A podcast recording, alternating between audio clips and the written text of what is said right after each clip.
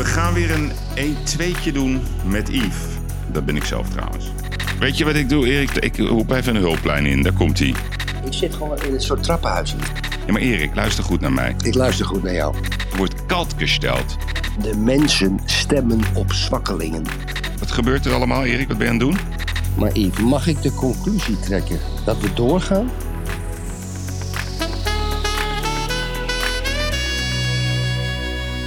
Lieve luisteraars, beste kapiteinen. Het is eh, weer tijd voor een nieuwe aflevering van de Gigs. En een zaterdag hadden we... Oh, wat was dat een zaterdag. Ik was erbij hoor. Bij het uh, huwelijk van uh, opperkapitein Erik de Vlieger en de notaris. Op een wijngaard ergens aan de Algarve. Het leek wel een setting van Narcos. En een beetje ook Casa de Papel. En hij heeft ja gezegd. En de notaris ook. En daar gaan we het straks over hebben.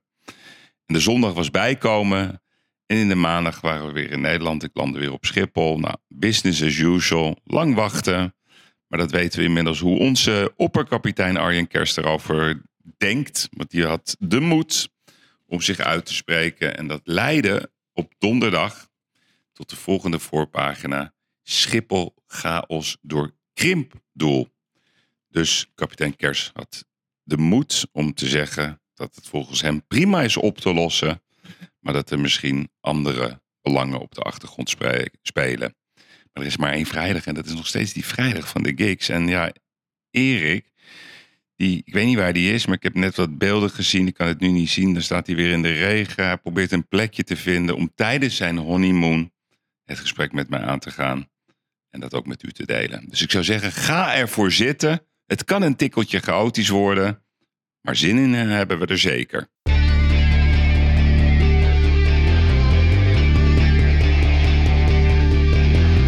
Ik moet soms wat kwijt wat ik vind ervan. Littekens en jeuk, die koester ik maar dan.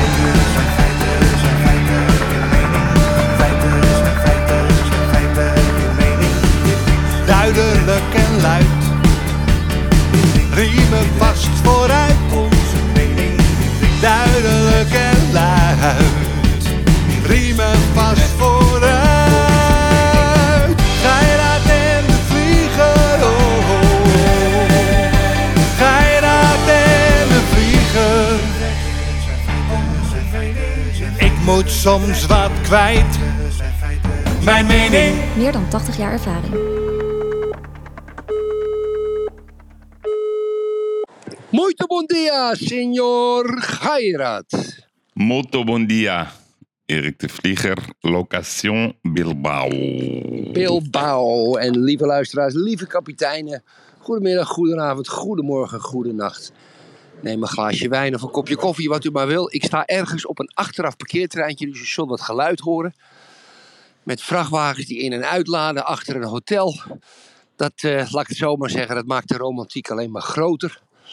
Ik heb gisteravond, het, eh, gistermiddag de, de fout gemaakt. Die Yves Geirat me vooral had afgeraden. Ik denk, ik ga toch tegen Yves zijn Benz in. Ik ben naar een restaurant gegaan. Naast het Guggenheim Museum. En ik heb daar een elf gangen lunch genomen. Ik plofte zowat uit elkaar, Yves. Je had helemaal gelijk. Oh, toch? God. Je had helemaal gelijk, Yves. Je had helemaal gelijk. Ja, het is. Het, een, kijk, dat is. Zij bedenken dat. Tien gangen. Ik heb, ik heb zelf ooit een keer een 25 gangen menu. Oh, wat gebeurt er allemaal? Ja, dat is een vrachtwagen die uitlaat. Dat maakt niet uit. Dat is, ik sta hier echt op een Ja, terreintje. ja, ja. Hier. Dat, is, We- we dat is moeten- leuk. Ja, we En moeten als het begint te regenen, dan moet ik ergens gaan schuilen. Dan hoor je nog willen Oh, maar wat een hart voor de zaak heb je. Wat een hart voor de zaak. Ik sta hier dus voor onze kapitein en terecht. En terecht, want het is ook leuk. Maar luisteraars, leuk. voor de duidelijkheid. Erik is dus gewoon op honeymoon met de notaris. Ja, ja, ja. En hij is bereid om zelfs tijdens zijn honeymoon ergens op een af, achteraf tussen- terrein te staan. Misschien gebeuren er rare dingen. Dat kan zomaar gebeuren, Erik, dat je wordt aangevallen. Kinky.nl of zo, weet ik veel wat. Dat kan allemaal. Ja. Maar, Nee, maar even, even, even, Ja. maar even nog, kijk, vanochtend, ik, ik, ik schrok om tien over tien wakker. Ik was vroeg wakker, maar goed, ik, eh, tien over tien werd ik wakker met de notaris. En, en, en, en luisteraars en Yves, je moet één ding niet vergeten. Eh begint het te regenen, krijg nou wat. Nou, dus, dat, ik, de, de, ik, kijk, ik, ik ben eventjes zo een douchen, aankleden, alles in de koffer pleuren en wegwezen. ja, doe ik ook Maar altijd. dat gaat niet, Yves. Het begint nu te stortregenen, hoor je dat? Jezus. oh. Oh, Erik, ik zou je even... Wacht even. Ik- weet je wat ik Wacht doe? even, wacht even. Oh god. Ik sta, oh man, ik kan nu niet, ik sta met mijn rug tegen een, tegen een deur die 20 centimeter in de muur zit nu. Oh mijn Mijn telefoon is nat. Dus Oh. die gaat dan methodisch te werk. En ik ga je één ding vertellen, Yves. Die, die, dus de schoenen die we mee hebben, die gaan terug in de schoenendoos. Ja, dus dat is, dat is methodiek. Die vrouw die werkt in methodiek. En ik ben natuurlijk een chaot. Dus dat is een fantastische combinatie. Weet je wat ik doe, Erik? Ik geef even een... Ik roep even een hulplijn in. Daar komt hij.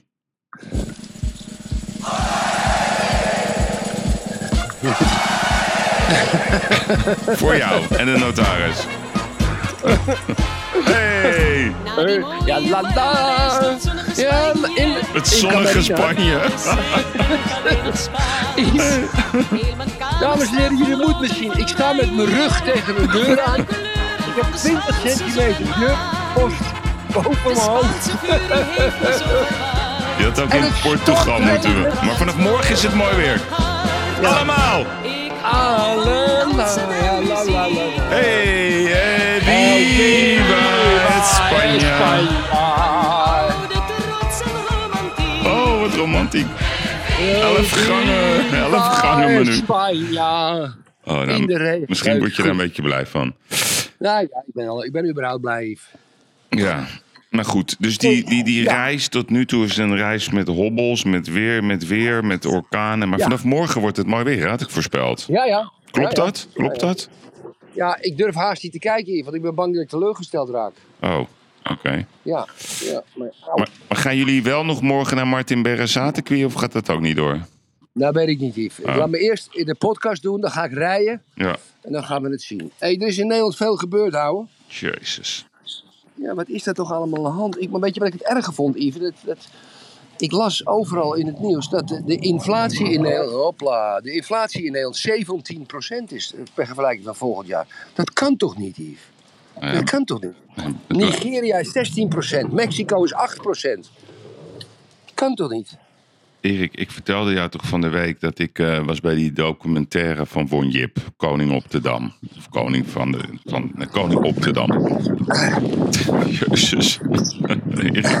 Dit is wel, wel een dingetje hoor, voor de luisteraars. Ja, maar ik, ik, ik, Heb je geen andere plek waar je kan zitten? die regen uit. Hm? Ja, ik heb hier, je een beetje verkeerd. Gek van. Ja, ga door. Je was bij Wonjip. Ja, maar kan je, heb je niet in dat hotel een plekje waar je even rustig kan zitten Nee. met een kopje koffie? Nee, nee ik, ga nu, ik sta nu in de parkeergarage, maar ik ga niet de diepte in. En ik ben drijfnat. Ja, Het is echt, echt hilarisch dit. ja, maar nu is het goed. Ja. ik, ik krijg echt een slappe lach. Erik, ik, zou, ik heb geen beeld, hè. Normaal heb ik altijd beeld erbij, maar nu niet. Ja, Maar ja, wees blij. Heb je medelijden met. Erik. Ehm, ik was bij die, bij, die, ja, bij, die, bij die documentaire. Ik vond het echt een fantastische documentaire, echt waar. Heel puur, maar ook wel best wel uitspraken hoor, van, van Won, waar die misschien uh, gezeik mee kan krijgen. Maar dat laat ik allemaal over aan de kijkers. Maar ik, op de afterparty borrel praat ik dus eh, met een man. Dat was toevallig ook de ex-baas van Holland Casino. Dus de bestuur, de directeur. Die is daar uitgeknikkerd omdat hij één foutje had gemaakt met een bonnetje op een reis. Nou, je weet hoe dat gaat. Die had Ja. het geweldig gezond gemaakt. Nu hebben ze weer eh, honderden miljoenen schuld. En die zegt dus, die heeft ook allemaal eh, bezittingen in vastgoed en in hotels. En die heeft ook een sauna. En die zegt, nou, ik had, vorig jaar had ik een, eh, een, eh, rekening in augustus, een heel groot sauna-ding is het, van 31.000 euro. 31.000 euro. En die zegt tegen mij, Ja. wat denk je dat het nu is? Augustus, hè? 187.000 Ja, euro. Ja. Ja, maar hoe dan, Erik? Dat is toch niet meer vol te houden? En het interesseert ze geen reet. Ze zetten het in onze... Zelfs in rapporten, ja... Weet je, de bakkerijen, ach, als dat wegvalt, dat heeft allemaal... Ja, Erik, het lijkt wel of, of je in Florida bent. Kijk, Maar waar ben je nu? Neem me heel even mee waar je nu bent.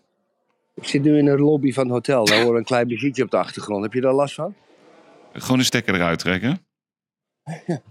Nee, zonder dol. Heb je er last van of niet? Nou, minder als daarnet. Oké, dan is het goed. Kijk, Yves, moet je goed luisteren, lieve luisteraars. Kijk. Ja, het is wel We ineens zijn, niet eh, te doen. Is niet te doen. Goed, Yves. Het is, is er niet gewoon lekker een plekje gewoon...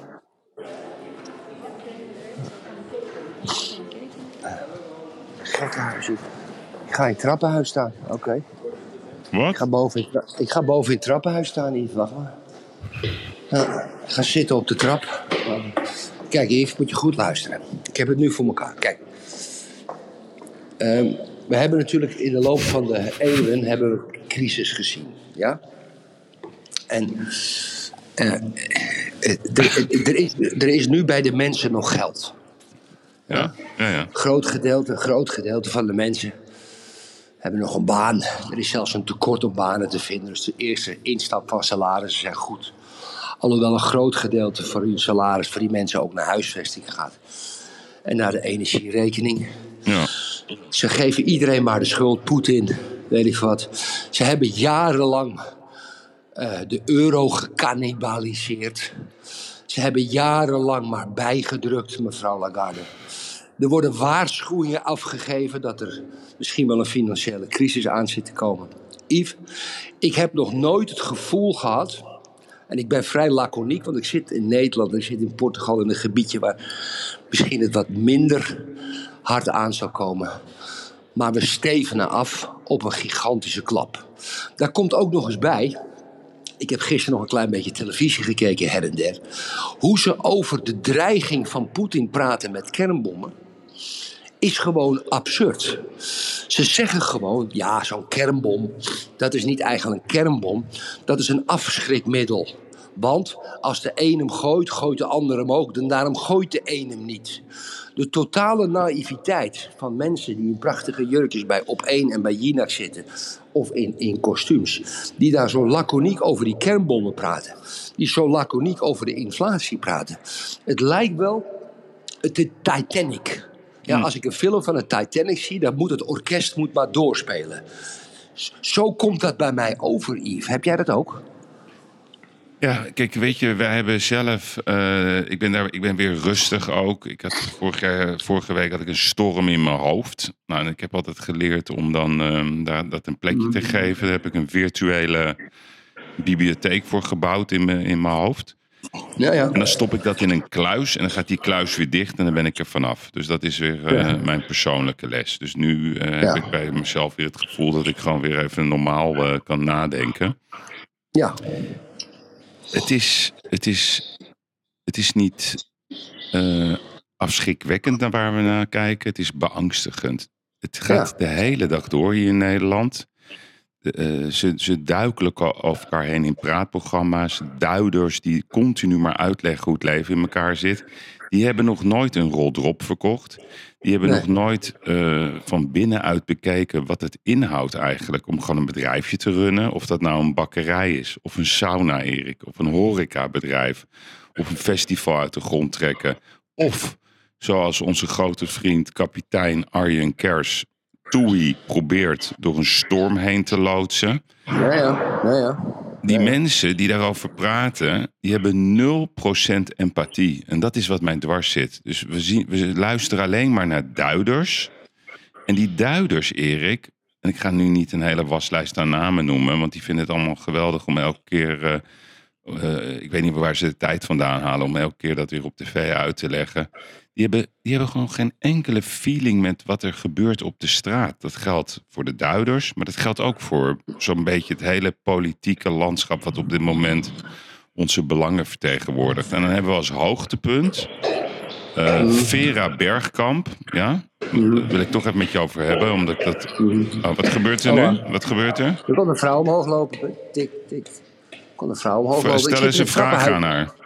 Nee, die niet. Ik sta, ik sta dus in een van de, ik denk dat ze Duits is. Kijk, ik zit gewoon in een soort trappenhuis hier. maar ga gewoon op ik zit op de, op de trap in een trappenhuis. Omdat het zo hard regent buiten. Maar ga door met Vera Bergkamp, want je verhaal was goed, Yves. Ja. Nee, dus, dus, dus wij kijken weer. Dus het ging weer de, gisteren de hele avond ging het over de bitchfight Tussen Ver- Nutteloos. ja, Nutteloos. tussen Vera Bergman en Khalid Ariep. Voor wie het niet heeft meegekregen. En wat is er nou precies gebeurd? Je hebt het, het presidium. Ik had er zelf nog nooit van gehoord, Erik. Het presidium. Weet jij, weet jij daar wel Ja, eens ja, gehoord? zeker. Ja, zeker. Ja. Het is de, de afgevaardigden van de grote partijen die in, in, in- met, met, met de Kamervoorzitter praten. Eén keer in de maand volgens mij. Ja. Ja, dus ik, ik, eh, ik zeg je heel eerlijk, ik, ik kende dat niet eens. Zo ingewikkeld vind ik het allemaal. Het is heel vertrouwelijk. Ja, het is heel vertrouwelijk inderdaad. Ehm, maar het is geen enkel probleem om wat daar besproken wordt, om dat te lekken. Dat is een soort standaard eh, werkelijkheid geworden in Nederland. Alles wordt gelekt en meestal wordt het ook gelekt naar het NRC. Precies. Precies. Spot on. Altijd. Bingo. Ja, Altijd gaat het naar het Altijd. NRC. Ja, ja. Is dat strafbaar, Erik? Eh, uit het presidium is het niet, het is niet strafbaar. Want ze zeggen wel dat ze aangifte moeten doen. Maar ik snap niet waarom. Eh, want iedereen is vrij om de dingen die ze zeggen. Maar ze hebben geen, het staat niet in de wet dat het, dat het geheim is. Het is, het is een, eh, het is een, een, een, een procedure die ze, die om niet te lekken. Maar volgens mij staat het niet in de wet. Maar ik kan ook overvraagd zijn nu. Dat kan. Oké, maar goed. In ieder geval even voor de, voor de luisteraars. Ehm, wat er eigenlijk in het presidium is besproken, dat er zijn, zijn klachten binnengekomen over Ariep. Die, die, die, die mevrouw Ariep, die heeft met hart en ziel eh, zeg maar in de Kamer geprobeerd om die hele losgeslagen bende bij elkaar te houden. Ja. Ik vind dat zij dat fantastisch deed. Dus ik zeg hulde, hulde aan... Ka- Ka- hoe heet ze? Ka- hoe heet ze nou precies? Ariep. Ja, maar Kadia haar Ariep. voornaam. Hoe? Kadia Ariep. Ja, Kadia Rip. Ik, ik vond haar altijd heel prettig. Gewoon sterk, stevige vrouw. Bikkelhard. Streng, doch rechtvaardig en normaal. En ook neutraal, Erik. Ik vond haar vooral neutraal. Nou, zij is weg. Ze is gewoon Kamerlid. En wat komt er nu? Er komt nu een soort politieke afrekening ehm, over wie zij was. En wie dat heeft gedaan en wie dat heeft geantemeerd, dat is natuurlijk de grote vraag van, van, van deze nieuwe soap. Hè? Dat zijn een paar ambtenaren geweest die ze een grote bek heeft gegeven. Ja, dus er zijn twee, Twee anonieme klachten zijn er binnengekomen. Dus Oh. de vraag is ook, wie doen dat dan? Hè, dus wie neemt... NSB'ers, Oké, dat, dat laat ik even van jou, dat, eh, dat woordje. Ehm, maar in ieder geval, Vera Bergkamp, de huidige voorzitter eh, van, de, van, van de Tweede Kamer, die ligt enorm onder vuur. Omdat we hebben natuurlijk die, die kwestie gezien met Baudet. Ik vind dat eh, niet goed, elke keer die stemmingmakerij in de Kamer. Ze zijn opgestapt. Ehm, dat mag ook natuurlijk niet, want dat, dat hoort niet. Je moet net zoals in Engeland fucking hard debatteren met elkaar. Laat dat gewoon plaatsvinden in de Kamer. En dan wil je gewoon dat er een. Eigenlijk, jij zei dat heel goed eh, vorige week in een van de podcasts. Eh, Je had gewoon moeten zeggen: Sorry hoor, meneer Baudet. Wat zit u nou allemaal voor onzin uit te kramen? Ja. Praat eens ons normaal. sodemiet erop. Ja, sodemiet ja, erop. Ja, dus gewoon hoe, dat, hoe dat eigenlijk in een normale Precies. onderhandeling gaat. eh, in Amsterdam, in Rotterdam, in Den Haag, noem het allemaal op. Dus zij ligt onder vuur. En op het moment dat zij onder vuur ligt, krijgen we dit. En dat zie ik bijna in elk dossier. Of het nu het Siewert-dossier is, of het nou ons eigen dossier is. Ze gaan altijd af van de bal en dan vinden ze iets wat je, wat je misschien niet handig hebt gedaan. En dan bam, dan gaat het nu over dit verhaal. Want over Siewert, Erik, ik hoorde niks meer over, hè? Dat, Nee, dat, dat, maar dat kijk, gaat ook weer ergens ja. in een stoffendoos verdwijnen. Nee, maar Erik, luister goed naar mij. Ik luister goed naar jou. Ik heb even gekeken wie zijn dan de, de, de, de, de, de leden van het presidium. Dus wat ze zegt, die Vera Bergkamp, dat het unaniem is besloten. Dus dat Ja. betekent ook dat haar collega Henk Nijboer, die ook in het presidium zit, van de Ja. PvdA, die heeft gezegd, ja dat vind ik ook. Maar ook Ja. Martin Bosma van de. PVV, denk ik, wil hij graag voorzitter worden. Dus ik vind Nee, het... Martin Bosma is bevriend met Kadia Ariep. Ja, maar waarom heeft hij dat dan gesteund? Dus dan is Dat zal blijkbaar... ik je vertellen, Yves. Ja. Dat zal ik je vertellen. Omdat de aantijgingen zo serieus zijn Ja. dat ze het niet in de doofpot willen stoppen. Martin Bosma is op zeker integer. Henk Nijboer, Ik, ja, ik vind het altijd een beetje een lulletje. Maar die gaat niet Kadia Ariep een mes in de rug steken. Er zijn twee echte grote klachten binnengekomen over Ariep. En wij vinden dat onzin. Ja? We Mhm. kennen ze niet goed, maar wij, dat is onze eerste impuls. Maar, Yves. Mhm. Het mag niet in de doofpot gestopt. Het moet gewoon behandeld worden. Het erge alleen daarvan is dat het gelekt is. Ja, Ja, en, en, en, en, en Bergkamp had dat natuurlijk al eerder met, om de- in dit geval met Arie Boet te bespreken. Maar Yves, er zijn volgens mij acht leden in het presidium. Ja. En de klacht is via de landsadvocaat Pels Rijken verlopen. Hé, hey, dat Nee, is toevallig. Nee, kijk, dus die Zullen we landsadvocaat... het laatste woord, maar daar moeten we maar niet over praten, denk ik. Nou ja, waarom niet? Kijk, de, de, de. Nou, omdat in die- die heeft geval het- er ook gelekt is, Yves, weet je nog? Ja, ja, zeker. En gaan we zo even- advocaat? Nee, dus wij hebben gewoon eh, nog steeds Precies. trouwens communicatie met de landsadvocaat. Wij hebben niet Precies. gelekt. Zij, zij hebben wel gelekt. eh, gewoon Ja. over communicatie van onze advocaat. En ik noem hem gewoon lekker eh Blenheim advocaat. eh, Ja. Die gewoon communiceert, netjes reageert. ja, dat ga ik even nuanceren voor de luisteraars. Yves, sorry dat ik je in de reden val als ik even mag. Dames en heren, wij, wij, wij, wij, wij kregen een brief van Pels Rijken over het verhaal Jaap van Dissel. Ja. Daar hebben wij over teruggecommuniceerd. Over onhandig en dingen en weet ik veel wat. En binnen 24 uur lagen die gegevens op straat. Nou Ja. ga ik weer niet beschuldigen, want we zijn niet negen- 99% zeker. Nee. Maar er is dus een trend te waarnemen, dames en heren. Dat ze gewoon maar, of het nou een landsadvocaat is of een politicus of een politica. Als het ze uitkomt, leggen Ja. ze het gewoon naar de media. En die clickbait-criminelen van de media, beetje hard gezegd criminelen, maar die clickbait obsessievelingen, ja, die brengen dat gelijk. Hmm. En het is weer chaos. En het enige wat we mee bereikt hebben tot nu toe, dat iedereen daar druk mee is. Ja? We hebben 17% inflatie. We hebben een kernbom ligt op de loer. We hebben, we hebben energiekosten die de dak stijgen. En waar hebben we het de hele dag over? Over Ariep en Bergkamp. Omdat de gezootje klerenlijst van de NRC het gelekt hebben. Om weer te scoren. Ja, want dat is nieuws. Nee, Yves, NRC heeft het niet het- gelekt. leven Oh, Erik, even, even goed even formuleren. Nee, nee. Nee, NRC heeft het wel opgeschreven. Die hebben dus een net. Kijk, NRC heeft hun netwerken overal Ja. in de rechterlijke macht. Klopt. Bij Pels Rijken in de politie. En die zitten de hele dag zitten ze maar proberen nieuwtjes te vergaren. Die zitten helemaal diep in de tentakels van mensen die willen lekken. Ja, maar het ze zelf beter uitkomt. Zelfs als het briefje met Teven. Ja, dat kwam ook bij de NRC. NRC en Nieuwsuur is trouwens één. Is trouwens één op één. Nieuwsuur en NRC is één op één. Dus, eh, maar wat mij het erge is, we kunnen dat analyseren tot we een ons wegen. Wat ik het ergste vind.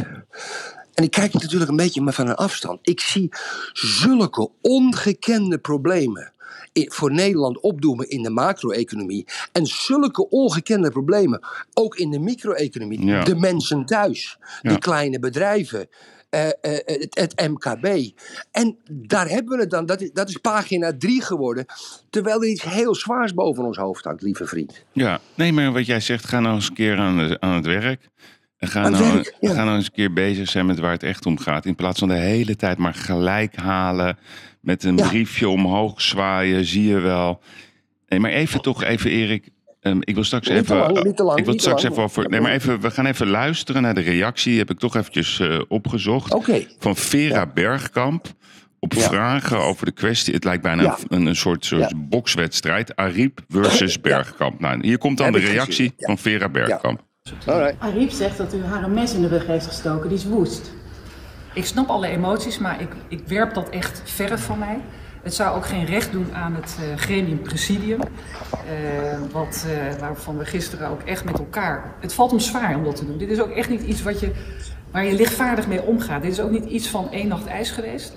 Eh, maar we zouden echt het gremium presidium tekort doen als dat de reden zou zijn. Dus dat werp ik echt, zeg ik ook maar, verre van mij. Ik snap de emoties, maar daarom is het juist goed dat we dit onafhankelijke externe onderzoek doen vanuit beide invalshoeken om te kijken van wat de feiten zijn geweest. Maar u heeft hier natuurlijk ook een steek laten vallen, want u bent er al mee bezig. Zij moet het via de pers vernemen. En zij staat eigenlijk voor een voldongen feit, zonder dat ze door u op de hoogte is gesteld. Maar gisteren hebben we dus pas dat besluit genomen. En om zo'n besluit te nemen, daar moet je echt zorgvuldig mee omgaan. Dus we hebben ook uitgebreid gesproken met de landsadvocaat. Dit is echt iets wat, ja, waar je niet lichtvaardig mee omgaat. Na het presidium hebben we eh, geprobeerd een overleg te plannen met mevrouw Riep. Nou, dat kwam niet uit. Gisteravond heb ik natuurlijk ook geprobeerd contact eh, te leggen. Ook vanochtend. Er staat nu een overleg-uitnodiging gepland voor eh, vanavond. Ik hoop dat mevrouw Riep daarop ingaat. En natuurlijk snap ik dat dit, dat dit, ja, dat, dat dit gewoon balen is dat dat eh, advies van de landsadvocaat eh, is uitgelekt. Ja, Erik. Ja, allemaal, geregistreerd, allemaal van tevoren geregisseerd natuurlijk dit. hè. Maar nu- oké, nu gaan we even vertalen wat ze zegt. Want daar zijn ze zo goed in. Hè? Als, als, als iemand een fout maakt, dan gaan ze precies vertalen wat... En laten we het even een keer lekker over, op, om- over ons hebben. Hè? Dus wij hebben sommige dingen wat onhandig ge- eh, geformuleerd. Daar zeggen wij dan ook heel eerlijk in, dat klopt. Daar gaan we het straks nog even over hebben. Want ik vind dat onze luisteraars daar recht op hebben. Maar wat zegt Vera Bergman? Dit is niet iets Bergkamp. waar we over één nacht ijs gaan. Of eh, sorry, Vera Berg. Let op, Ja, ja, Erik. ja. Zij zegt, dit is niet iets waar we op één nacht ijs zijn gegaan. Dan zeg ik, Nee. dan ga je er alles aan doen. Maar dan ook echt alles om eerst Ariep aan tafel te krijgen. Want het heeft namelijk helemaal geen haast. Dit is niet een dossier, Erik, wat haast heeft. Het mag een dag duren, het mag een week duren. Maar je bent verplicht om eerst vanuit respect, vanuit fatsoen... tegen Ariep te zeggen, we hebben een overleg gehad. Er is unaniem Eens. besloten, inclusief Eens. jouw collega Henk Nijboer. We maken ons grote zorgen. We willen dat je dat weet, dat we dat gaan doen, dat onderzoek. Dus je bent geïnformeerd. Dus het is een, het is een flagrante leugen, Erik. Mhm. Als je aan de ene kant zegt dat we niet over één nacht ijs zijn gaan wandelen, dat zegt zij. Maar je vergeet om de hoofdpersoon, die met zoveel liefde, inzet, toewijding zich heeft ingezet voor de Kamer, gewoon zo Mhm. even voor de bus te gooien. Dus dat is wat ze zegt. Vervolgens zegt ze: We hebben gesproken met de landsadvocaat. We gaan een onafhankelijk onderzoek doen. Dat is niet onafhankelijk, want de landsadvocaat is de staat. Dus hoe Ja. bedoel je onafhankelijk? En dan zegt ze: ja, Nee, maar het is, het, is, het is een woordenspel. En dan zegt ze ook nog: Ja, balen. Voor wie? Ja. Het is balen voor mevrouw Ariep. Die wordt gewoon. En tuurlijk, als ik Ariep zou zijn, zeg ik: zoek het lekker uit. Ik ga nergens meer aan meewerken. Jullie hebben me nu. Ik, ben, ik sta toch al 10-0 achter. Mm. Het is zo schandalig. En dat is dan de voorzitter van onze Tweede Kamer. Die al die debatten. Die, dat is toch niet meer houdbaar, Erik? Yves, ik, Yves, ik, ben het, ik, Yves, ik ben het volledig met je eens. Ik Mhm. heb er twee dingen op te zeggen. Ik vind überhaupt D66 vind ik een partij vol met duivels. Maar, maar Yves, kijk, Mhm. je moet één ding niet vergeten. Kijk, het presidium, dat zijn natuurlijk geen gekken. hè. en als Martin Bosma ook in het presidium zit. Martin Bosma, ik weet dus, ik weet van Martin Bosma persoonlijk. En dat is een nieuwtje. Want Martin ja, ik was een paar keer gesproken bij mij thuis. Omdat Martin Bosma had, heeft vroeger voor mij gewerkt bij Wild FM. En we zijn nog steeds vriendschappelijke relatie, laat ik het zo zeggen. Het is geen een echte vriend, maar vriendschappelijke relatie. Die was zeer te spreken over Kadia Ariep. Sterker nog, die kreeg af en toe wel eens een lift met de dienstenauto van Den Haag naar Amsterdam. Want Ariep woont in Amsterdam en Bosma ook. Dus die hadden een heel fijne mening. Ook omdat Bosma een soort reservevoorzitter was af en toe. M- Martin Bosma zou Ariep nooit voor de bus willen gooien. Nooit. Nooit. Nee. Dat doet hij niet. Dat doet hij niet. Dus, en dan moeten we toch eventjes meenemen in onze beraadslaging, lieve Yves Gairat. Er is toch wat aan de hand. Nee, oké, maar wacht even. Hè? Eh, ik ben het met alles prima. met jou eens, hè? Nee, maar ik ben het ook met jou eens. Er is, eh, waarschijnlijk is er wat aan de hand. Dan ga ik daarover filosoferen. Laten we dat vooral doen. Dus wat ik denk, is dat zij gewoon, net zoals jij en ik dat doen, Erik. Wij, wij doen dat ook. We zeggen op een gegeven moment, godverdomme jongen. Ik heb nu drie keer aan je gevraagd om dat document goed te doen. Ik ben er helemaal klaar mee. Helemaal Maak zat, je werk op en dan rot op. Dat Rot is, op, ja. ja, dat gebeurt gewoon. Ja, Wat, ja. wat voor watjescultuur leven we? Dus wat we zien, we zien een soort trend. Dat als je, als je eh, een fout maakt in je woorden. of als je iets eh, wat, wat agressiever wordt en boos wordt. En emo- dan krijg je dus anonieme klachten. Er komt een heel leger op social media. wat je gaat proberen te framen. En je wordt kaltgesteld. Het is een schande, Erik. Ik ken geen bedrijf. Ik ken ze niet, Erik. Waarin niet wordt, waar geen ruzies worden gemaakt. Waar ook geen stevige woorden worden gezegd. Waar misschien zelfs wordt geduwd, Erik. Niet op zijn Mathieu Ja, van de maar- Poels. Maar Yves, zoals dat weer werd gezegd. En het Ja. is wel gek dat de ene Marokkaans is, de andere een Turks, hè? Die hebben gewoon een veel grotere bek, die meiden. Ja. Nee, maar we zijn heel erg voor inclusie. En we zijn heel erg voor eh, meer vrouwen aan de top. Maar dan hebben we vrouwen aan de top. Dan hebben we inclusieve vrouwen. En dan doen ze het op hun manier, met emotie, vanuit het hart. En dan, dan heb ik nog een iets andere mening in over, over Ariep dan Gundogan, als je het niet erg vindt. Maar, ja, nee, maar het, het, het, ja. wanneer gaat dit stoppen? Dat is mijn enige Geen vraag. idee. Wanneer gaat? Ik denk dat het pas net begonnen is, Yves. Je mag helemaal Ja, niks meer. Je mag Nou, helemaal je niks meer. Je nou, je mag niet- je moet wel. je woorden letten. Je mag, ook niet, je mag ook niet meer zeggen, die mag, oh, heb jij leuk, wat zie je er leuk uit vandaag. Dat is al bijna sexual harassment, ben een predator. Maar hoe kan het, Erik, dat eh, de macht in Nederland is, is op dit moment gewoon in handen van D66? Er is geen enkele discussie Ja, over mogelijk. Die ik- bepalen ga- alles. Hoe, ja, maar Yves, Alles. Dat gaat je, precies- maar Yves, dat ga ik je precies vertellen. En dat heb ik ook vaker in onze geweldige podcast uitgelegd. De, de, de mensen stemmen op zwakkelingen. En die zwakkelingen stellen weer zwakkelingen aan. Ja? Want kracht en uitgesprokenheid is vandaag de dag geen deugd meer. Dat moet je niet zijn. Je moet, dat, dat is niet meer zo. Ik heb verhalen gehoord. Ik kan helaas niet vertellen van wie op een bepaald ministerie. Dat er gewoon een meisje die komt daar te werken op een ministerie. En na twee maanden, die werkt 28 uur per week. En die heeft na twee maanden een burn-out. En die zit al zes maanden bij de, bij de psycholoog van het ministerie. Die heeft twee maanden gewerkt. Is in een burn-out terechtgekomen. En loopt al zes maanden. En die wordt nu heel rustig geïntrigeerd. Dat is een meisje van 28 jaar, Yves. Ja, En, en dat is, en dat, ja, weet je, en daar kunnen we nou als oude gasten een beetje wel over praten en over dingen over zeggen. Het zijn dus de zwakkelingen die het voor ons bepalen. Het zijn de zwakkelingen die met Poetin eh, eh, eh, onderhandelen. Weet je, het is, we moeten, we moeten, dat, dat is het probleem. En als het een beetje moeilijk is, ook, ook op internationaal niveau, dan drukken ze geld bij, want het is de makkelijke oplossing. En dan gaat er eentje die vliegt er naar Oekraïne en die komt terug en die geeft een tweetje en die zegt: We hebben weer 200 miljoen aan wapens gegeven. Die hebben geen idee. Die hebben ook geen idee dat met die wapens jonge jongens, als zijn het Russen, aan flarden worden geschoten. Weet je, die hebben geen idee meer. Die, leven, die, die, die zitten in een. Of ze werken voor de helft thuis. Ze werken op de tiende verdieping ergens in een gebouw in Den Haag. Waar de, waar de thermostaat redelijk hoog staat. Ze pakken een treintje, ze gaan naar huis. En die kijken televisie eh, van, van, van Khalid en Sophie, NOS Nieuws, Nieuwsuur. En op één. En dat is een wereld. En die besturen ons, Yves. Dat is het probleem. Alles wat anders denkt is of een eh, fascist of een extreem rechts figuur. Yves, we hebben een gigantisch probleem. We hebben een gigantisch. worden bestuurd door zwakkelingen. Ja, alleen. Kijk, wat ik ook, wat, wat ik ook het gevoel heb, hè, je kan op een gegeven moment in je eigen narratief geloven. Hè, als je zelf naar de media kijkt. En als je zelf ook alleen ook. social Kan ons media ook volgt. gebeuren, hè? Maar als ik Kan gewoon de straat. st- ja, nee, daarom. Dus daar, daar, daar- Ja. nee, maar daar laten we onszelf ook wel eens door beïnvloeden. Want als ik namelijk de straat op ga. Joh, en praat gewoon met normale mensen, laat ik het even zo noemen. Ik noem het even normale mensen. Die zeggen, joh, ik volg dat allemaal niet meer. al die, al die tv-programma's, Nee, kranten. zeggen ze ik ben, ik ben gewoon. het vertrouwen. Iedereen is het. Het vertrouwen is helemaal weg. Maar echt op een manier. En niemand. Maar dan zegt Kaag, ja, wie zijn die mensen? Nou, mevrouw Kaag, ik Ja. ga het nog een keer tegen u zeggen. Dat is Nederland. Dat is 15 miljoen Nederlanders die helemaal klaar zijn met die, Mm. met die ongelofelijke bende, ja, want dat is het, in Den De Haag. macht van de minderheid. Je- De macht van de minderheid.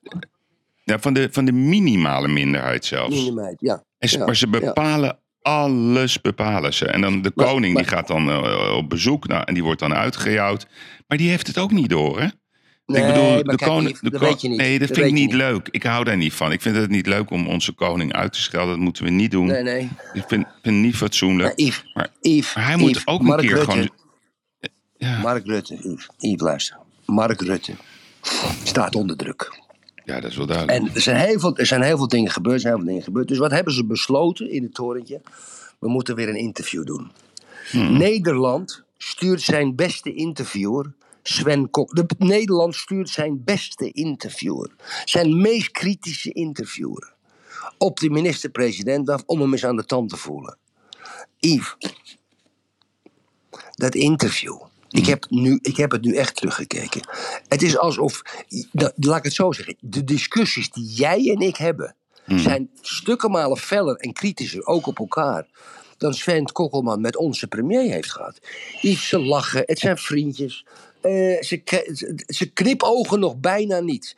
Wij doen het dus met onze beste interviewer naar deze minister-president. En hij komt eruit, hij glibbert overal tussendoor. Niet iets Erik- geen ergernis.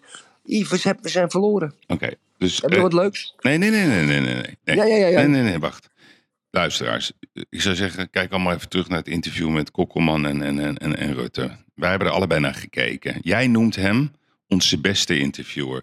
Kan je me Ja. even uitleggen waarom jij dat zegt? Want de vorige keer hadden we het over dat Twan Huis de beste interviewer was met Siebert. Toen hebben wij ook gezegd, nou ja, wat voor krankzinnig interview is dit? Die mag zelfs in de boeken kijken. En de kernvraag was, waarom vind jij Sven Kokkelman onze beste interviewer? Vanwege het programma wat hij gemaakt wat hij, Sven Kokkelman had altijd één programma en dan kon je daar gaan zitten. En eh, dan heeft hij, dan heeft hij iedereen ontvangen. Dan ging hij 50 minuten en dan probeerde je helemaal door te zagen. Ja, maar Echt ja. door te Ik weet niet meer hoe dat programma heet. Ja, ja met het oog op dingen. Maar hij, en, hij, en wie er ook zat. Iedereen zat echt in de probleem. Ruzies waren er zelfs. Peter en de Vries is nog weggelopen volgens mij. Maar er zijn heel veel dingen gebeurd. Het is een, Dat was is beste een interview. verkeerd. Nu is het een Labrador. Nee, het is een verkeerd narratief. Wij denken dat je een goede interviewer bent, zoals Marielle Tweebeek, eh, Sven Kokman. Als je heel hard en kort erin gaat. Dat is een soort beeld wat wij hebben, dat dat een goede interviewer is. Dus als je heel kritisch en mensen half niet laat uitpraten, dan ben je een goede interviewer. Dat is helemaal niet waar, Erik. Je bereikt het meeste door rustig met Rutte te praten. En op een gegeven moment te zeggen, ja, meneer Rutte. Of Mark. Weet je, ik zou zelfs Mark zeggen, want ze zijn toch maatjes van elkaar. Zullen we even naar buiten lopen? Zullen we even over de markt gaan lopen? Zullen we eventjes met de bakkers gaan praten? Zullen we even gewoon met een horecazaakje inlopen? Het is een zootje, Mark. En jij bent de baas al heel lang. Je krijgt geen vertrouwen meer. Je krijgt een rapportcijfer van 3,3. Waar is het fout gegaan? En dan zegt hij, ja, nee, dit en dat. Nee, nee, nee, laten we nou even geen ingewikkelde dossiertjes doen. Het is gewoon niet goed, Mark. En dan als je dat op die manier doet, dat je veel meer bij hem op schoot gaat zitten, bijna vaderlijk, dan gaat hij zeggen, ja, misschien heb je wel gelijk. Maar dat is dan een... Ja, maar het is niet een goede interviewer. Het lijkt een goede interviewer. En ik vind het echt... eh, ik vind hem echt eh, eh, sympathiek overkomen. Hij liet we trouwens ook toen, eh, die gooide ook voor de bus, hè, die Talita Muze, die zeg maar kritisch was. Ja, heeft hij nooit meer gebeld ook. Nee, Het, nee, nee. Ja, het is echt niet juist om te zeggen dat hij onze beste interviewer is. We denken dat een goede interviewer een persoon is die heel snel, heel hard en heel streng vragen stelt. Maar dat is helemaal geen goed interview. Je bereikt in het interview het meeste door rustig te praten, door je te verplaatsen in de ander, door empathie te tonen, door, de, door eigenlijk op microniveau over hele simpele kleine dingen te praten. Maar wat doet hij? Hij behandelt ongeveer 10, 12 wereldvraagstukken. Ja, die moeten dan in een paar minuutjes ja, even behandeld worden. Ja, dan verlies je het gewoon van Rutte. Want die, Ja. die is daar te slim voor. Dus, Ja, ja, dus ik vond het een ongelooflijk slecht interview. Ongelooflijk slecht. Dus hij is niet de beste interviewer. En Nee, ik heb gezegd, wij sturen onze beste interview. ja, daar ben ik het dus niet mee eens. Want dat is hij niet. Ja, hij is dat, dat- niet. dat- hij is dat- het echt niet. Als je dat tien keer roept, dan denk je dat het zo is. Maar dat is hij helemaal niet. Nee. Alright, alright, alright. Maar ehm ja, Ik zit desalniettemin... nu in de gang. Ja, het is, het is goed. Het is rustig, Erik. Ja, ja. Het is Ja. rustig. Op een stoel. Hey, Erik, ik voel even behoefte om, om iets aan onze luisteraars te vertellen. Kijk, we hebben vorige Oh. week. ehm, ik, ik heb een ontzettende eh, leuke periode gehad in Portugal. Ik, ik heb eh, genoten van, van, van, van jouw huwelijk, eh, van je familie, van je vrienden. Het was precies eh, zoals ik hoopte ook dat het zou zijn. Het was in een narcos-achtige setting, het huwelijk op een wijngaard. Eh, ik vond het moment eh, het mooiste dat jij eh, met de notaris kwam aanlopen. Toen kon je ook zien dat jij. ik- hoe groot ben jij vergeleken met haar? Je bent wel vijf koppen groter. het, was, het was heel schattig.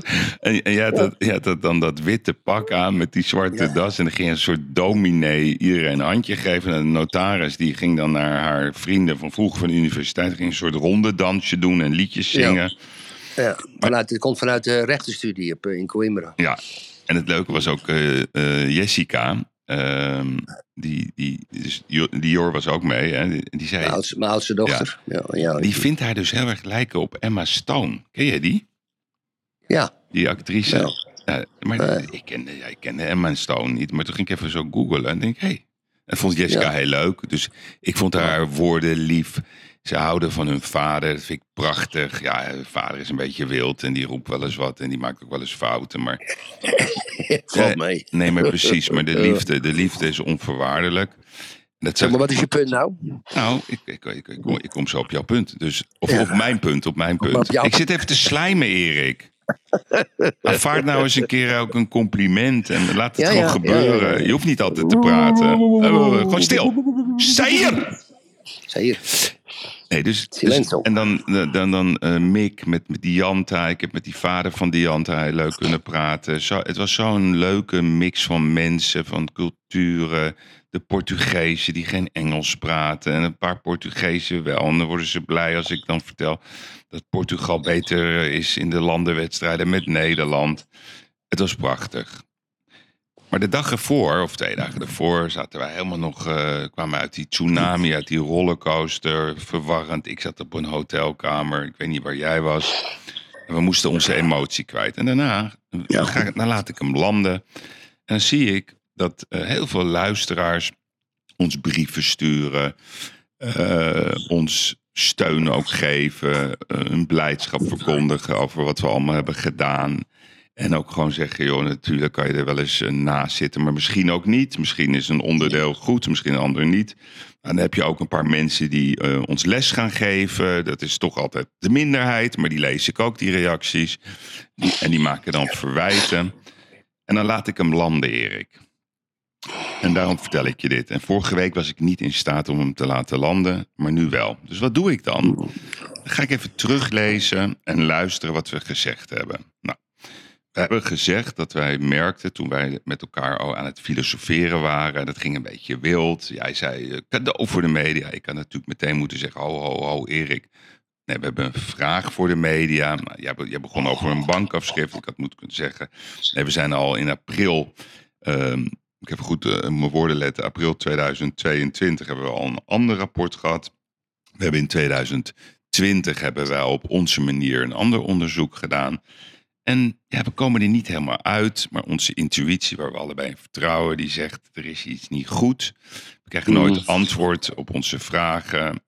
Nou, en we gaan dat dan bespreken in de openheid. En dan gaan andere mensen onze woorden op een ander dienblad leggen. Ja?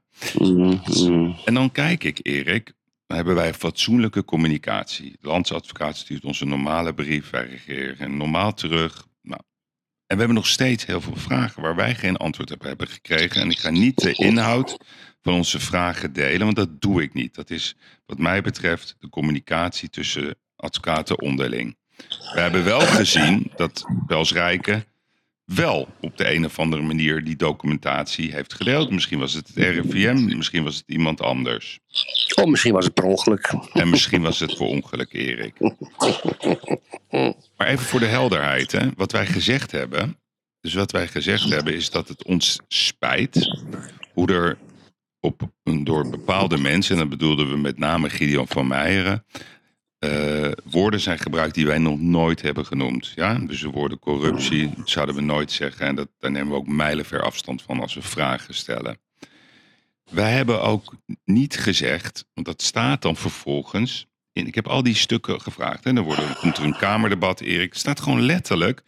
Ja, podcastmakers, eh, er is excu eh, excuus aangeboden. Nee, wij hebben gezegd, het spijt ons ten zeerste. Dus ook onze woorden, Erik, worden verdraaid. En dan ga ik al die correspondentie lezen. Maar op de kernvragen, daar wordt geen antwoord op gegeven, Erik. En dat blijft voor mij nog steeds het dossier van 2020. En dat blijven me nog steeds vragen. Is Zo, het- zo. Wil je hem niet sluiten? Wil je hem niet sluiten dan? Nee, ik, sluit hem niet. Oh, oh, oh. Dit, is- dit is breaking news, luisteraars. Nee maar, nee, maar ik zou je nog wat anders vertellen. Kijk, het zou ook nog eens kunnen zijn dat er ook weer andere krachten zijn die op een, om, om andere motieven van Dissel willen beschadigen. Dan sta ik, Erik, dat zeg ik met de hand op mijn hart, aan de kant van Jaap van Dissel. Want ik zal niet toestaan dat, dat er mensen allerlei dingen gaan bedenken en in de markt gooien om Van Dissel te beschadigen, terwijl dat niet waar is. Daar ga ik mijn best voor doen en daar kom ik ook achter. Maakt me niet uit hoe lang het ik help duurt. je niet mee. Nee, dat mag. Maar ik wel. Want ik wil eerst antwoord hebben op onze vragen van verleden jaar. Maar dat terzijde. Nee, nee, oké, maar dat zijn vragen. Maar als er dan andere Mhm. krachten gaande zijn omdat ze hun zin niet krijgen eh, aan de hand van de OMT-adviezen en dan dingen gaan bedenken En, en ik zou je... eh, Wat gebeurt er allemaal, Erik? Wat ben je aan het doen? Ja, ik ben even uit die trap. Ik ga naar de gang. Ik ga weer even naar buiten. Ik ga een sigaretje roken. Klaar uit. Dan maar een beetje lawaai. Maar ga door. Nee, maar ik vind dit een heel belangrijk onderwerp. Dit- dit- dit- ik- Ja, ja. Nee, maar Ga dit- door. Nee, maar dit werkt. Je moet even. Dit, nee, dit, dit is dus precies, Erik, wat ik bedoel. Dit zijn zulke delicate onderwerpen. We kunnen niet even, oh, even dit roepen. Dan, dan, dan zeg ik niks. Snap je? Dat vind ik niet Ja. fijn, dit. Ja, ik sta ook ergens maar, hè. Nu sta je in de regen. Ja. Nee, maar ik, ik ga niet hier op deze manier eh, mijn, mijn, mijn, mijn, mijn betoog over doen. Ja, sorry luisteraars. Dit is een echte live podcast, hè? Maar ga nou eens door, Yves. Jij, jij, jij, jij, sta, jij zegt, dan sta ik aan de kant van Van Dissel. Nee, Ja? je moet even de context van wat ik zeg goed beluisteren. Dus wij hebben, er zijn meerdere looplijnen. Dus ik blijf mij de vraag stellen, en die blijf ik nog een keer zeggen, want dat hebben we ook openbaar besproken in onze podcast, dat de tip ja, die ik eh, heb gekregen, en dat is niet één bron, dat is meerdere bronnen, over het feit dat eh, Van Dissel eh, nou, niet een feit over de, over de tip die ik dan kreeg. Dat hij een overboeking zou hebben gedaan begin 2020 van een rekening van Aureus. Ja, dat hebben we toen uitgezocht. Is dat waar of niet? En waarom wil ik dat weten? En dat ga ik nog een keer goed uitleggen.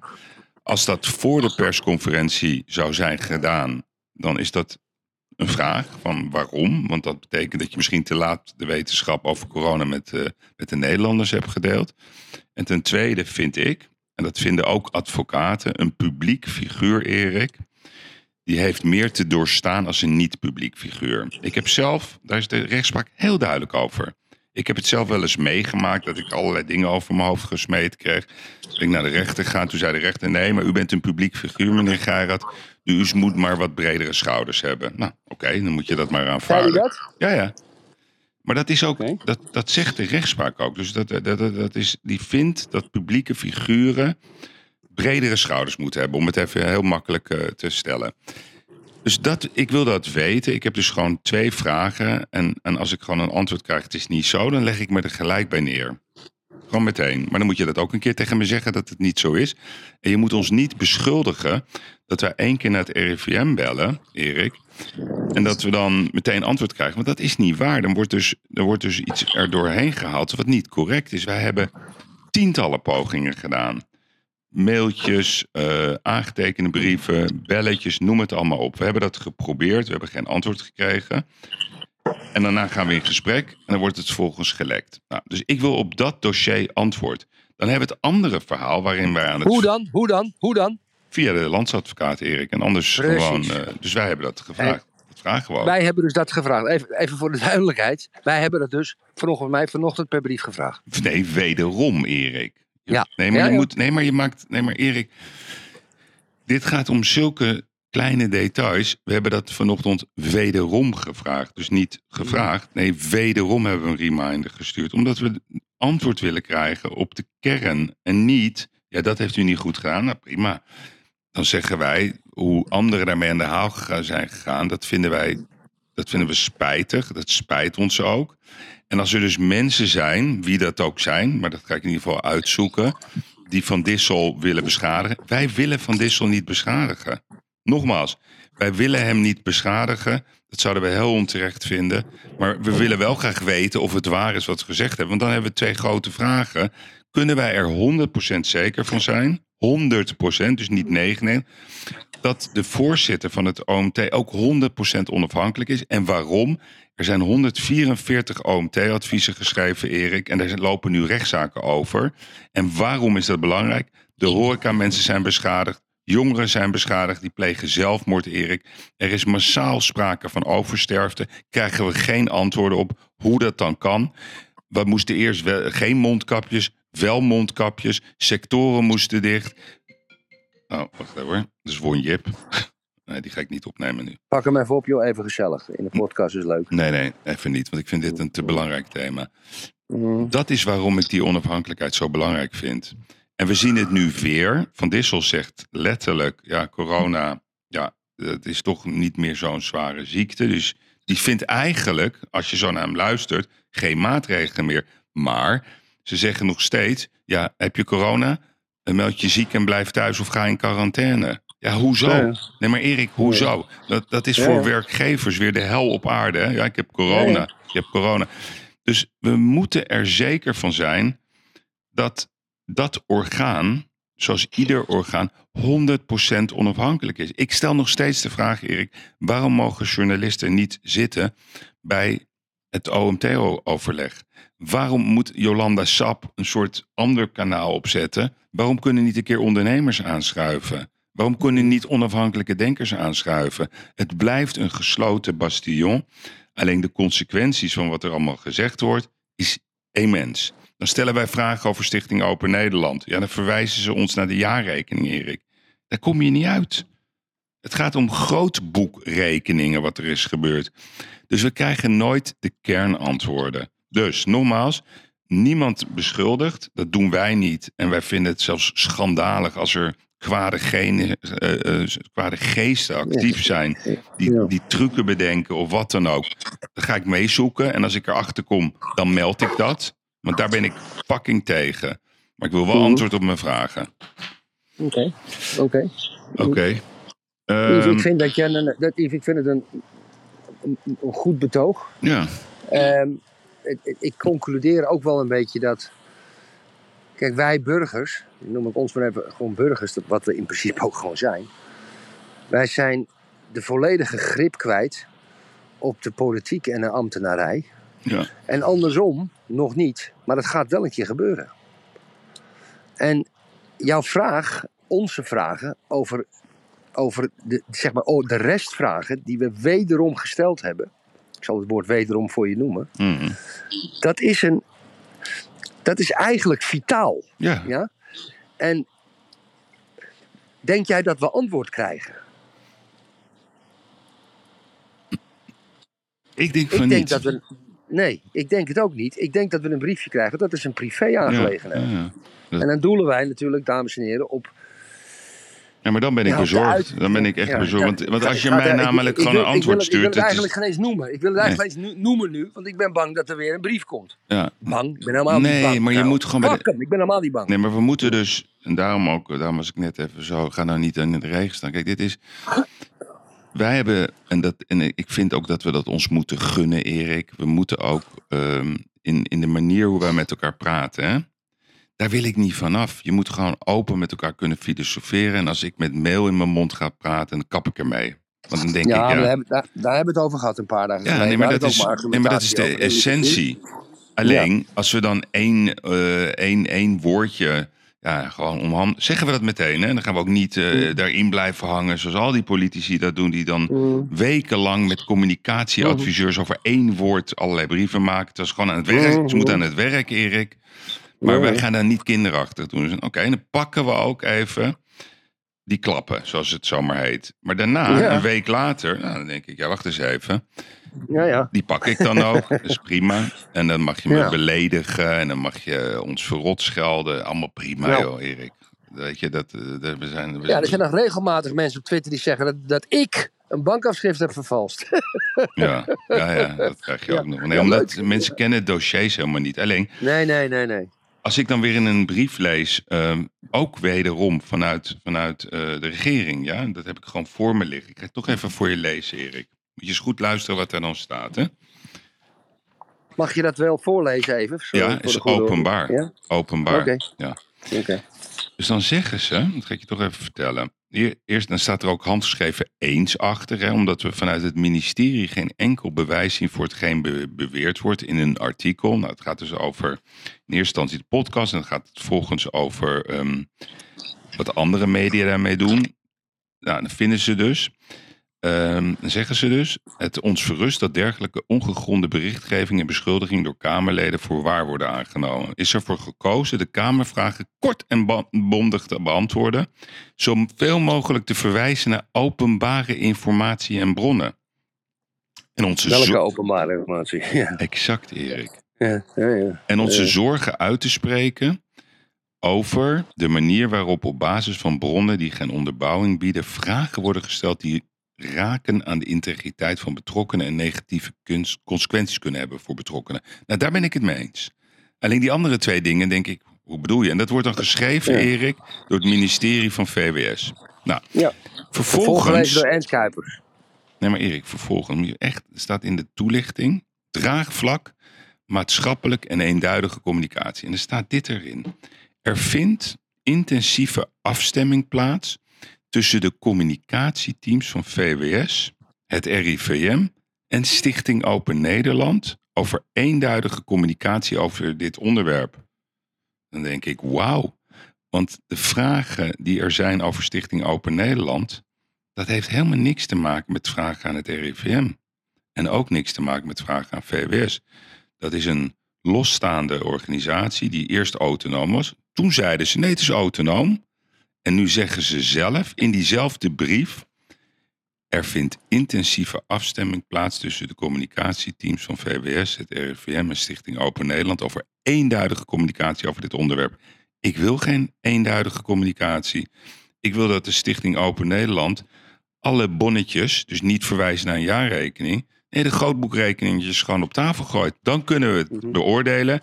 En als het goed is, dan applaudisseren we. Het is Ben echt, Erik, het is een woordenspel. Het is een manier. Het is Champions League niveau. Het is niet te geloven. Maar alles wordt eraan gedaan om de kern ten alle tijden te ontwijken. Dat heb ik ook gezien in het dossier met eh, Deloitte, met, eh met Siewert. De kern, die wordt nooit benoemd. Wie heeft nou uiteindelijk die deal er doorheen gedrukt? Volgens mij Maar is dat niet heel moeilijk te begrijpen, toch? Daar ben ik helemaal met je Ik word hier ongelukkig van, Erik. Ja, maar Yves, ma- mag ik de conclusie trekken dat we doorgaan? Ja, jij, jij zei net, ik ga niet door. Ik bedoel, doorgaan. Ik wil gewoon weten hoe het zit. Dat is het enige. En dat, dat, dat, dat- al duurt het tien jaar, maakt me niet uit. Oké, oké. Maar ik, ik, ik wou dit gewoon. Ik vind dat onze luisteraars, en daarom heb ik het aan je verteld. Die, dat, zijn, dat zijn mensen die ehm, ons vertrouwen, die luisteren naar ons. Ehm, die moeten een goede uitleg van ons krijgen. Vorige week had ik echt een storm in mijn hoofd. Ehm, ik moest mijn emotie ook kwijt en mijn frustraties. Op een gegeven moment landt het. Dan ga ik gewoon alles weer met elkaar verbinden. En dan, wij hebben genoeg gezegd over wat wij vinden dat we anders hadden moeten formuleren. Maar ik ga wel weer terug naar de bal. Dat heb ik altijd geleerd. Je moet bij de bal blijven. En dan Ja. tel ik dit bij elkaar op. En dan denk ik van ja, wacht eens even. We blijven bij de bal, Erik. En ik zeg er ook bij, als ik tot de conclusie kom dat er iemand anders. Want wij hebben dat niet, nogmaals, wij hebben het niet dat rare bankafschrift wat op het internet circuleerde. Dat komt helemaal niet van ons. Ja. Ik wil weten wie dat eh, gedaan heeft. Daar kom ik wel achter. Hey, iets anders, Erik. Nou ja, ik, mooi, mooi gesproken, jongen. Amen. Oké. Amen. Nee, dus ik, ik wil niet bij een kamp horen. Ik kan, ik kan twee meningen hebben. Ik kan zeggen, hey, dit heb je niet goed gedaan. En dat, heb- dat, eh, dat hebben die anderen niet goed gedaan. Maar ik wil dit wel even geval- weten van jou. Goed, ik sta natuurlijk te volle achter wat je zegt. Ehm, daar waar ik kan nu nuanceren, zal ik nuanceren. En we gaan de luisteraars op de hoogte houden volgende week. Wat het antwoord is geweest van de vraag die wij wederom gesteld hebben. Nou, ik zou niet een termijn... Hè? eh, nee, maar ik zou gewoon... eh, ik, ik wou dit gezegd Anders de hebben. week daarna, anders de week daarna, anders de week daarna. We melden ons als we denken dat het relevant is. Maar ik zeg je wel dat ik wil wel antwoorden krijgen. En het maakt me niet uit hoe Ja. lang het duurt. That's it. Hey, even over, over ehm, de Formule 1. Hè? Dus, dus Max Verstappen kan dit weekend eh, die kan, wereldkampioen worden. Hè? Officieel? Ja, maar dan moet eh, Leclerc uitvallen, moet hij winnen, et cetera. Mhm. Maar die Lewis Hamilton, Erik, die zegt dan... leuk voor Verstappen, hè? maar niet voor de Formule 1. En hij heeft het altijd over Red Bull. Hè? Dus ja, Red Bull is beter. Hij krijgt dit niet uit zijn strot, hè? Nee, en terwijl je zelf, wat is hij, zes, zeven keer met het groot overmacht wereldkampioen is geworden. Ja, dan mochten we dat zeker niet zeggen. Ja, dat is een rare jongen. Beetje zielig. En dan gaan ze dit week- weekend ook. Het lijkt wel, lijkt wel de Tweede Het is geen Kamer. waardig verliezer, hè? Het is geen waardig verliezer. Exact. Dat vind ik ook Kijk niet. dat? Ja, jammer. Ja. En, en dan Maar gaat- ik zou, als ik Mercedes was... Kijk, weet je, Mercedes is een merk... Ja, ehm, wat wat merk. natuurlijk ook heel, heel veel afhankelijk is van, van redelijk goede publiciteit. Ik zou toch tegen een keer zeggen van jongen, je moet wel even je sportiviteit, hetgeen van sportiviteit wat je in je lichaam hebt, een beetje naar boven trekken. Want we hebben ook een merk te verdedigen. Ja. En, en er lopen heel veel mensen lopen te zeiken op Mercedes. En dat komt door de communicatie van Lewis Hamilton. Vind ik niet goed voor je merk, Yves. Vind je niet? Mm. Ja, weet je Erik, dat zijn allemaal andere afdelingen die doen die, die, die dat, dat- Nee, onzin. Onzin. Ja. Als, als, als, als Lewis Hamilton eh, zijn onsportiviteit, en dat heeft hij een aantal keren gedaan, ook zijn supporterschade, hè? Ja, zeker. Ehm, eh, en die voed je natuurlijk met je eigen commentaren. Het merk een beetje naar beneden trekt. Ja, het is niet goed. Mercedes zit natuurlijk in een bepaald segment. Waar mensen een auto kopen waar andere concurrenties ook op zijn. Je hebt de BMW, de noem maar op. En op een ga je een beslissing nemen over een auto kopen. Dat kleine stukje wat je nog even die beslissing laat nemen. Dat zou best eens nadelig voor Mercedes uit kunnen pakken. Volgens mij.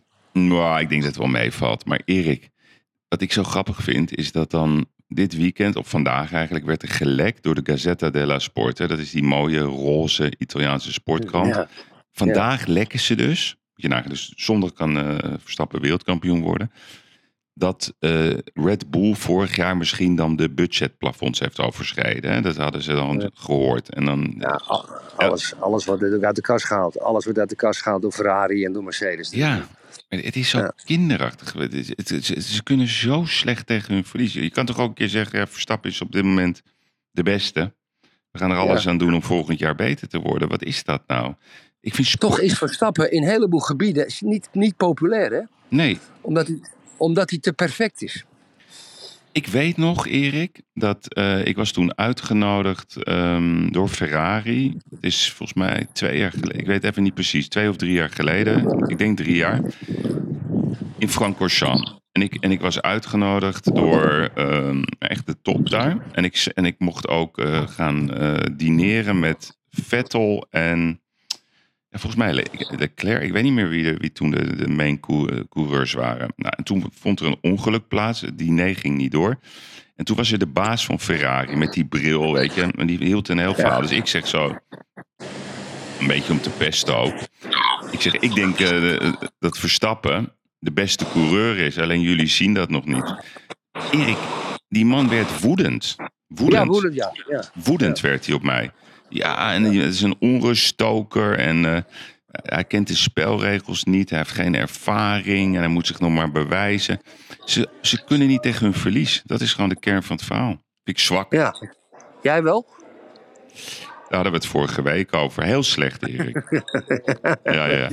Ik zou je heel eerlijk zeggen, ik, ik eh, vroeger, eh, ik heb veel geschaakt en dammen, begemmen. En ik heb wel eens inderdaad eh, gezegd, oh, er ligt een spin onder het bord als ik in een, eh, eh, ja, in een soort... ja. Nee, ik kan niet goed tegen mijn verlies, moet ik eerlijk over zijn. Nee, ik ook niet. Ja, wat hebben we nog meer, Yves? Ehm, want ik wil ik- het niet een hele lange uitzending Nee, maken als je begrijp vindt, ik. ik moet naar Biarritz. ja, ik heb toch even nog een fragmentje van Pim Fortuyn. En ik wil je Ja, mening daarover. Ja, kom maar op. Twintig jaar geleden, Erik, is dit. Twintig, Oké. twintig jaar geleden. De renationalisatie van voormalige nutsbedrijven, Ja. eh, die geprivatiseerd zijn, Ja. dat wil Leefbaar Nederland terugdraaien.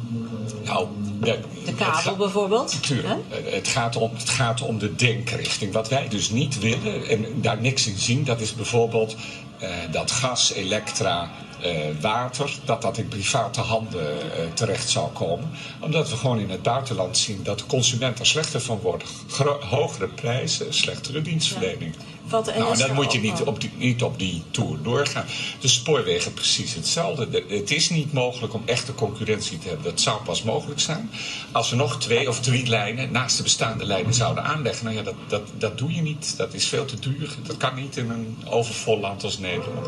Dus een monopolie moet je nooit privatiseren. Dat geldt ook voor Schiphol, geldt ook voor het havenbedrijf in eh, Rotterdam. Dat Schiphol naar de beurs mag.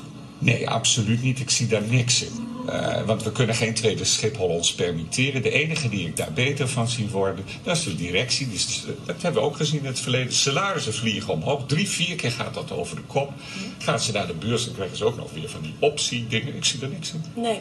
nee, maar toch vind ik het opmerkelijk. Leefbaar Nederland, en waar staat u? Eh, als het neerkomt op links-rechts in het denken over de economie. Dat vind ik dus een achterhaalde tegenstelling. Kijk, wij zijn voor een sterke markteconomie. Laat daar geen vergissing eh, over bestaan. Dus eh, hoe meer mensen willen ondernemen, hoe graag wij dat zien, ook aan de onderkant. Ja, dat willen we stimuleren. Maar zo gauw het gaat om de collectieve sector, dan zeggen wij van ja, dat is nou typisch de taak van de overheid, van de politiek. En dat heeft hele eigen impulsen nodig. Nou, en daar zeggen we, in geval van de NS, in geval van de nutsbedrijven, dat moet je niet particulier maken, want dat loopt uit de hand. Kijk, ik kan het ten aanzien van de Elektra heel gemakkelijk uitleggen. Een ondernemer is er om winst te maken. Nou, als je dus te veel stroom hebt, gaat jouw prijs uh, omlaag. Wat doe je dus als ondernemer? Je zorgt dat de productiecapaciteit achterblijft bij de vraag. Zo simpel is het. Ja. En dat is niet in het belang van de mensen. Eer- Was hij maar minister-president geworden, Yves? Als je dit zo hoort, hè? Twintig jaar geleden, en hoe werd hij ja. geframed? Wat was ook weer het narratief? Extreem rechts. Extreem rechts, ja. En hij zegt gewoon precies de kern waar het om gaat. En dat is onbegrijpelijk. Twintig jaar geleden, Erik, heeft hij dit Ja. gezegd. En zo heeft hij nog honderden dingen gezegd. Mm. En dan zit die vrouw weer twintig jaar... Ja, links, rechts, Erik. Ja, ja. Niks domme veranderd in twintig jaar Niks tijd. veranderd. Niks veranderd. Hey, zullen we even naar de verrekijker? De schuld.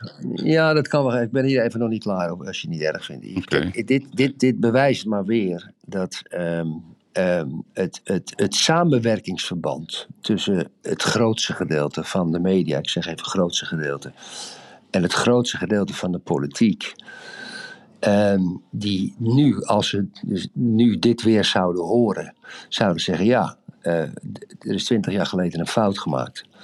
Maar je zag dus twintig jaar geleden dat ze samengewerkt hebben om deze man, Pim Fortuyn, eh, als een paria neer te gaan zetten. Wat uiteindelijk ook tot, zijn, tot, tot, tot de moord op Pim Fortuyn heeft geleid. Want dat heeft het natuurlijk.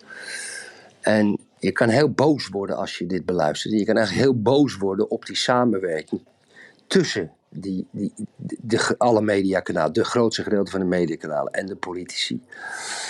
En eigenlijk, Yves, is er niet veel veranderd. Waren het niet dat als de man, de verstandige man, op rechts, op links, ik weet geen eens hoe je het moet noemen, dat zegt Fortuyn ook, daar heeft Fortuyn ook gelijk in. Wilders is te extreem hard met zijn praten. Baudet is aan het zweven alle kanten op. Die begint nu de Amerikanen te beschuldigen. Kan misschien waar zijn van het mm, onklaarmaken van die, van die Nord Stream 2. Eh, maar er is eigenlijk eh, die, die gozer van ja 21, ja, dat is een soort halve meeloper. Er is eigenlijk, en de conclusie kunnen we wel trekken, niemand die in de schaduw kan staan van Pim Fortuyn. Niemand. Niemand. Niemand.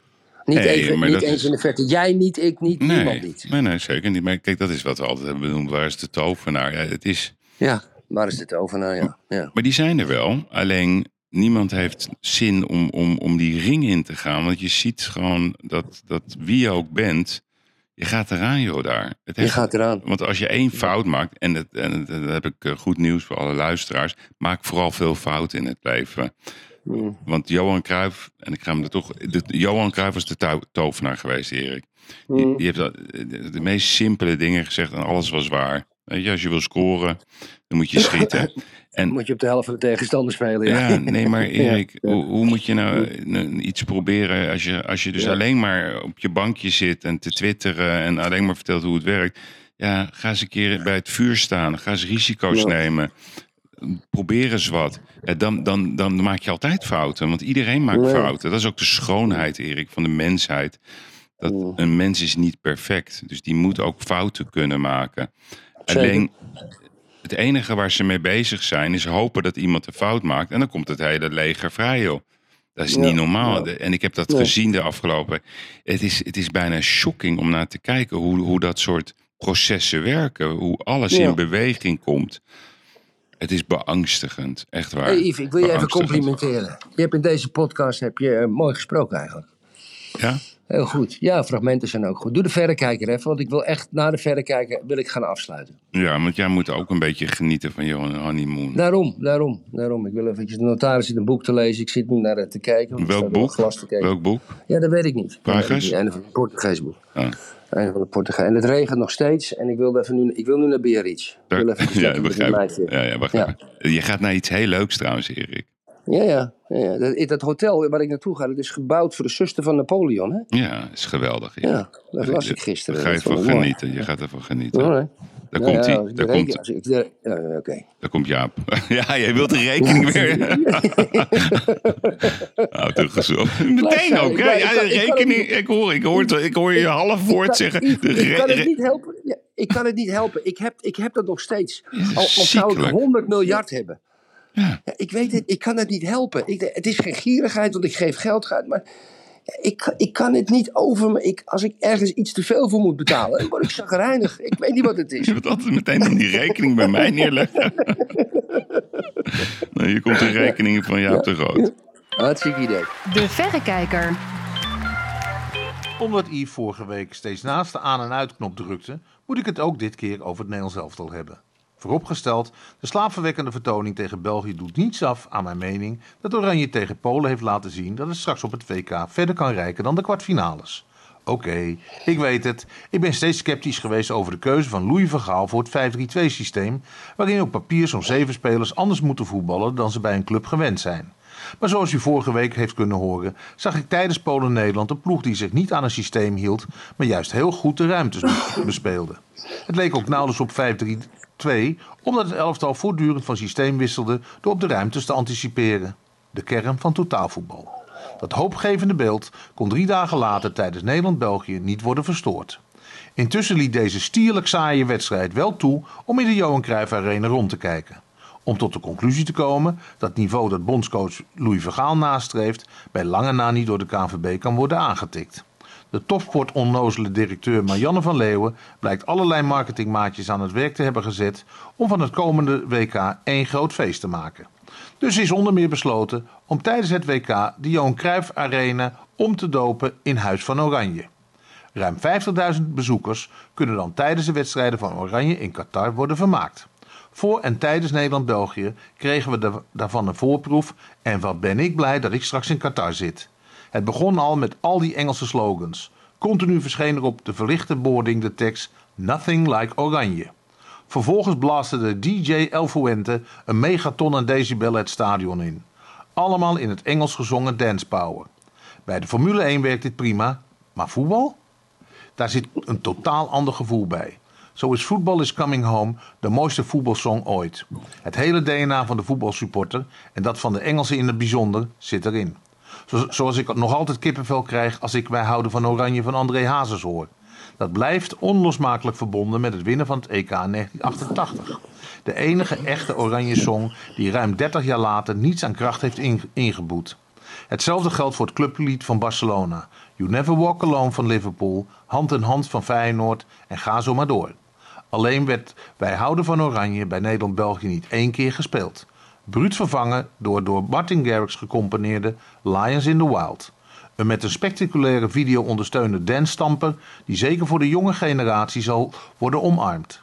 Alleen blijkt niet Wij houden van Oranje, maar Lions in the Wild voor dit WK de norm te zijn. Dus beukte gast-DJ El Fuente er vooral tijdens de rust op los. Wie de Engelse taal niet machtig was, was kansloos. Niet meezingen, maar meehossen.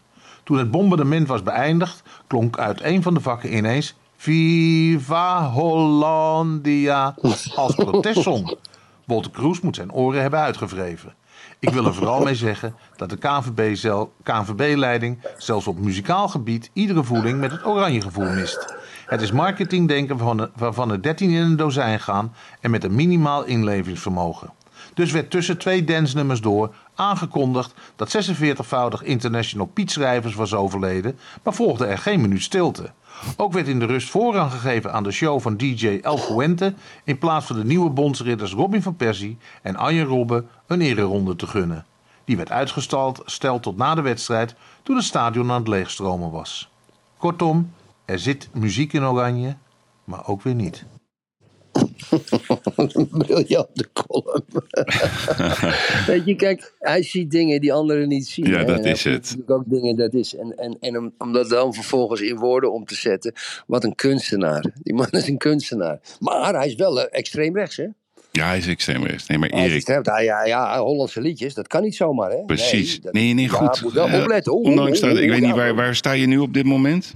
Nee, ik zit weer op de gang op een, eh, bij, vlak bij de, bij de kamerschoonmaakster en de spullen. Dus nee, Oké. dat is, ik Nee, ben maar heel scherp van beetje jou. zorgen. En wat hij Ja, zegt, eh, kijk, bij Ajax deden ze op een gegeven moment. Kijk, bij Ajax of Feyenoord of Twente, je wilt gewoon een beetje dat Nederlandse gezellige liedjes Ja, doen. En dan gaan ze tuurlijk. DJ's neerzetten. Bij Ajax ook, ik weet niet hoe, hoe die gozer heet. Ja. Daar, daar zitten we helemaal niet op te wachten, joh. Nee joh. En dat, ze gaan er nu een soort, soort show van maken. Nee, we willen gewoon Viva Hollandia. En, Ja, ja, en we, willen, we willen van Ja, links naar rechts. Hartstikke idee. Maar die hebben allemaal international marketing gestu- gestudeerd ergens, Yves. En die, gaan al, en die lullen allemaal hetzelfde als die Ze Amerikanen. snappen er geen reet van. Maar wel sportief, Erik van Jaap. Hij zei het heel zachtjes. Maar ik heb wel Ja. opgelet dat, eh, dat hij dat toch wel van Gaal het goed ziet. Dat vond ik wel sportief Ja. van hem. Heel, hij zei het heel voorzichtig, Erik. het, spijt hem, het spijt hem ten zeerste. hey, Erik, Yves, ik, ik, ga rijden. Ik ga rijden. Mag ik nog één, puntje nog met je doen? Ja? Eén Ja. puntje. Er, kom- er kwam vandaag een artikel. eh, in een half jaar tijd bijna een half miljard online vergokt. Ja? Nou, Half miljard? Half miljard. Dus, dus, dus die cijfers die zijn heel goed. Want hebben die open van de markt met al die online gokbedrijven. Oh. bedrijven. Ja, ja, en dat wordt dan waarschijnlijk in miljard. En wat je ziet, dat het vooral de jongeren zijn. eh, ja, ik weet niet, tussen de 19 en 23. En dan komen Ja, ze ja. dat een gemiddeld een online gokker 153 euro per maand verdient, of verliest. Lieve mensen, als u kin- kinderen heeft, alsjeblieft, haal ze van die computers vandaan. Het is een ziekte. Het Ja. is een onzichtbare ziekte. Het is een, kijk, een, als jij ro- rookt, dat zie je. Als je drinkt, dat zie je. Als je drugs gebruikt, dat zie je. Maar dat online gokken, dat kan s'nachts, dat, dat zie je niet. Ja, Dat ja. is een vorm van schaamte. Doe controle, ook binnen je eigen omgeving. Het is verderf, het is geen plezier. Er zitten geen, ze zetten er maar geen limieten op. Ze komen weer met lulverhalen. Dit wordt Nee. weer het volgende nacht, nachtmerriedossier. Blijf er vanaf. Wees scherp op je kinderen en op, op de mensen van wie je houdt. Het is levensgevaarlijk. Het moet Ik, ik, stoppen. ik, onder, ik onderschrijf je helemaal, Yves. Het is een kankergezwel. ja, Het is een kankergezwel, dat spul. dat is het Goed, kerel, ik, ik ga door met mijn, Hey, ik ga door met mijn huwelijksreis. Ja, ik ben er nog. Oh, toen was hij weg. Ja. Maar dat Nee, kan. ik ben er nog. Oh, je bent er nog, oké. Ja, ja, zeker, zeker, zeker. Nou, jij Ik gaat ga naar met- Biarritz. Ik, ik, ik ga naar Geniet Biarritz ervan. en eh, maandag doe ik eh, rapporteren wat er allemaal gebeurd is. Dus dat komt allemaal goed. Dus, dus luisteraars, wij zitten elke, elke dag eh, doen wij eh, op het open net een half uurtje lekker praten met elkaar. Of twintig minuten, dan worden we afgefloten. Lekker een beetje filosoferen. Dan gaan we horen hoe het allemaal was daar in dat Biarritz. Ik ga zo eh, meteen naar de paardjes, Erik. Er is een eh, polo-evenement op het Museumplein. Ik heb daar helemaal niks mee. Nee, leuk, wel Maar, leuk. maar die borrels, Erik, oh, daar kan je goed zaken doen, jongen. Dat is bloed. Ja, ja. Dus dat, eh, ik moet ook nog zaken doen, hè? Want eh, wij, wij, bij ons is het een gek huis inmiddels.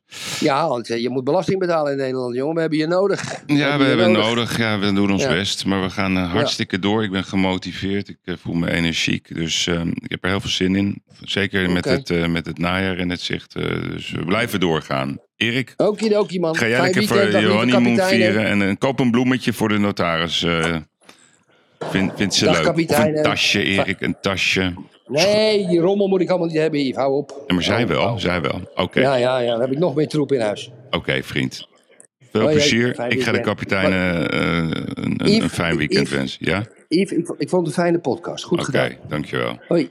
Hoi, hoi, hoi. Succes. Ja, luisteraars, nog even een, een persoonlijke wens aan jullie allemaal. Ehm, ik waardeer jullie loyaliteit en, en jullie eh, intrinsieke motivatie om eh, een beetje te doen wat wij ook willen. Een iets leuker land. En eh, pak een mooi weekend, geniet van elkaar en blijf vooral autonoom denken. We hebben veel gezegd vandaag. Dank voor het luisteren allemaal.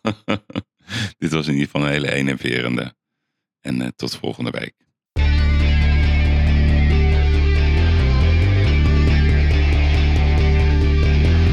Ik moet soms wat kwijt wat ik vind ervan. Littekens en jeuk, die koester ik maar dan.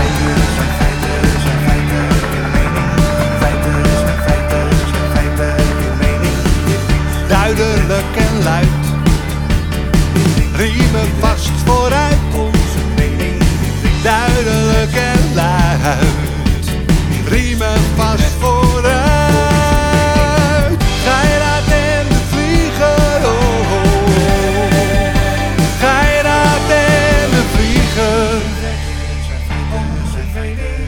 Moet soms wat kwijt. Mijn mening. Meer dan 80 jaar ervaring.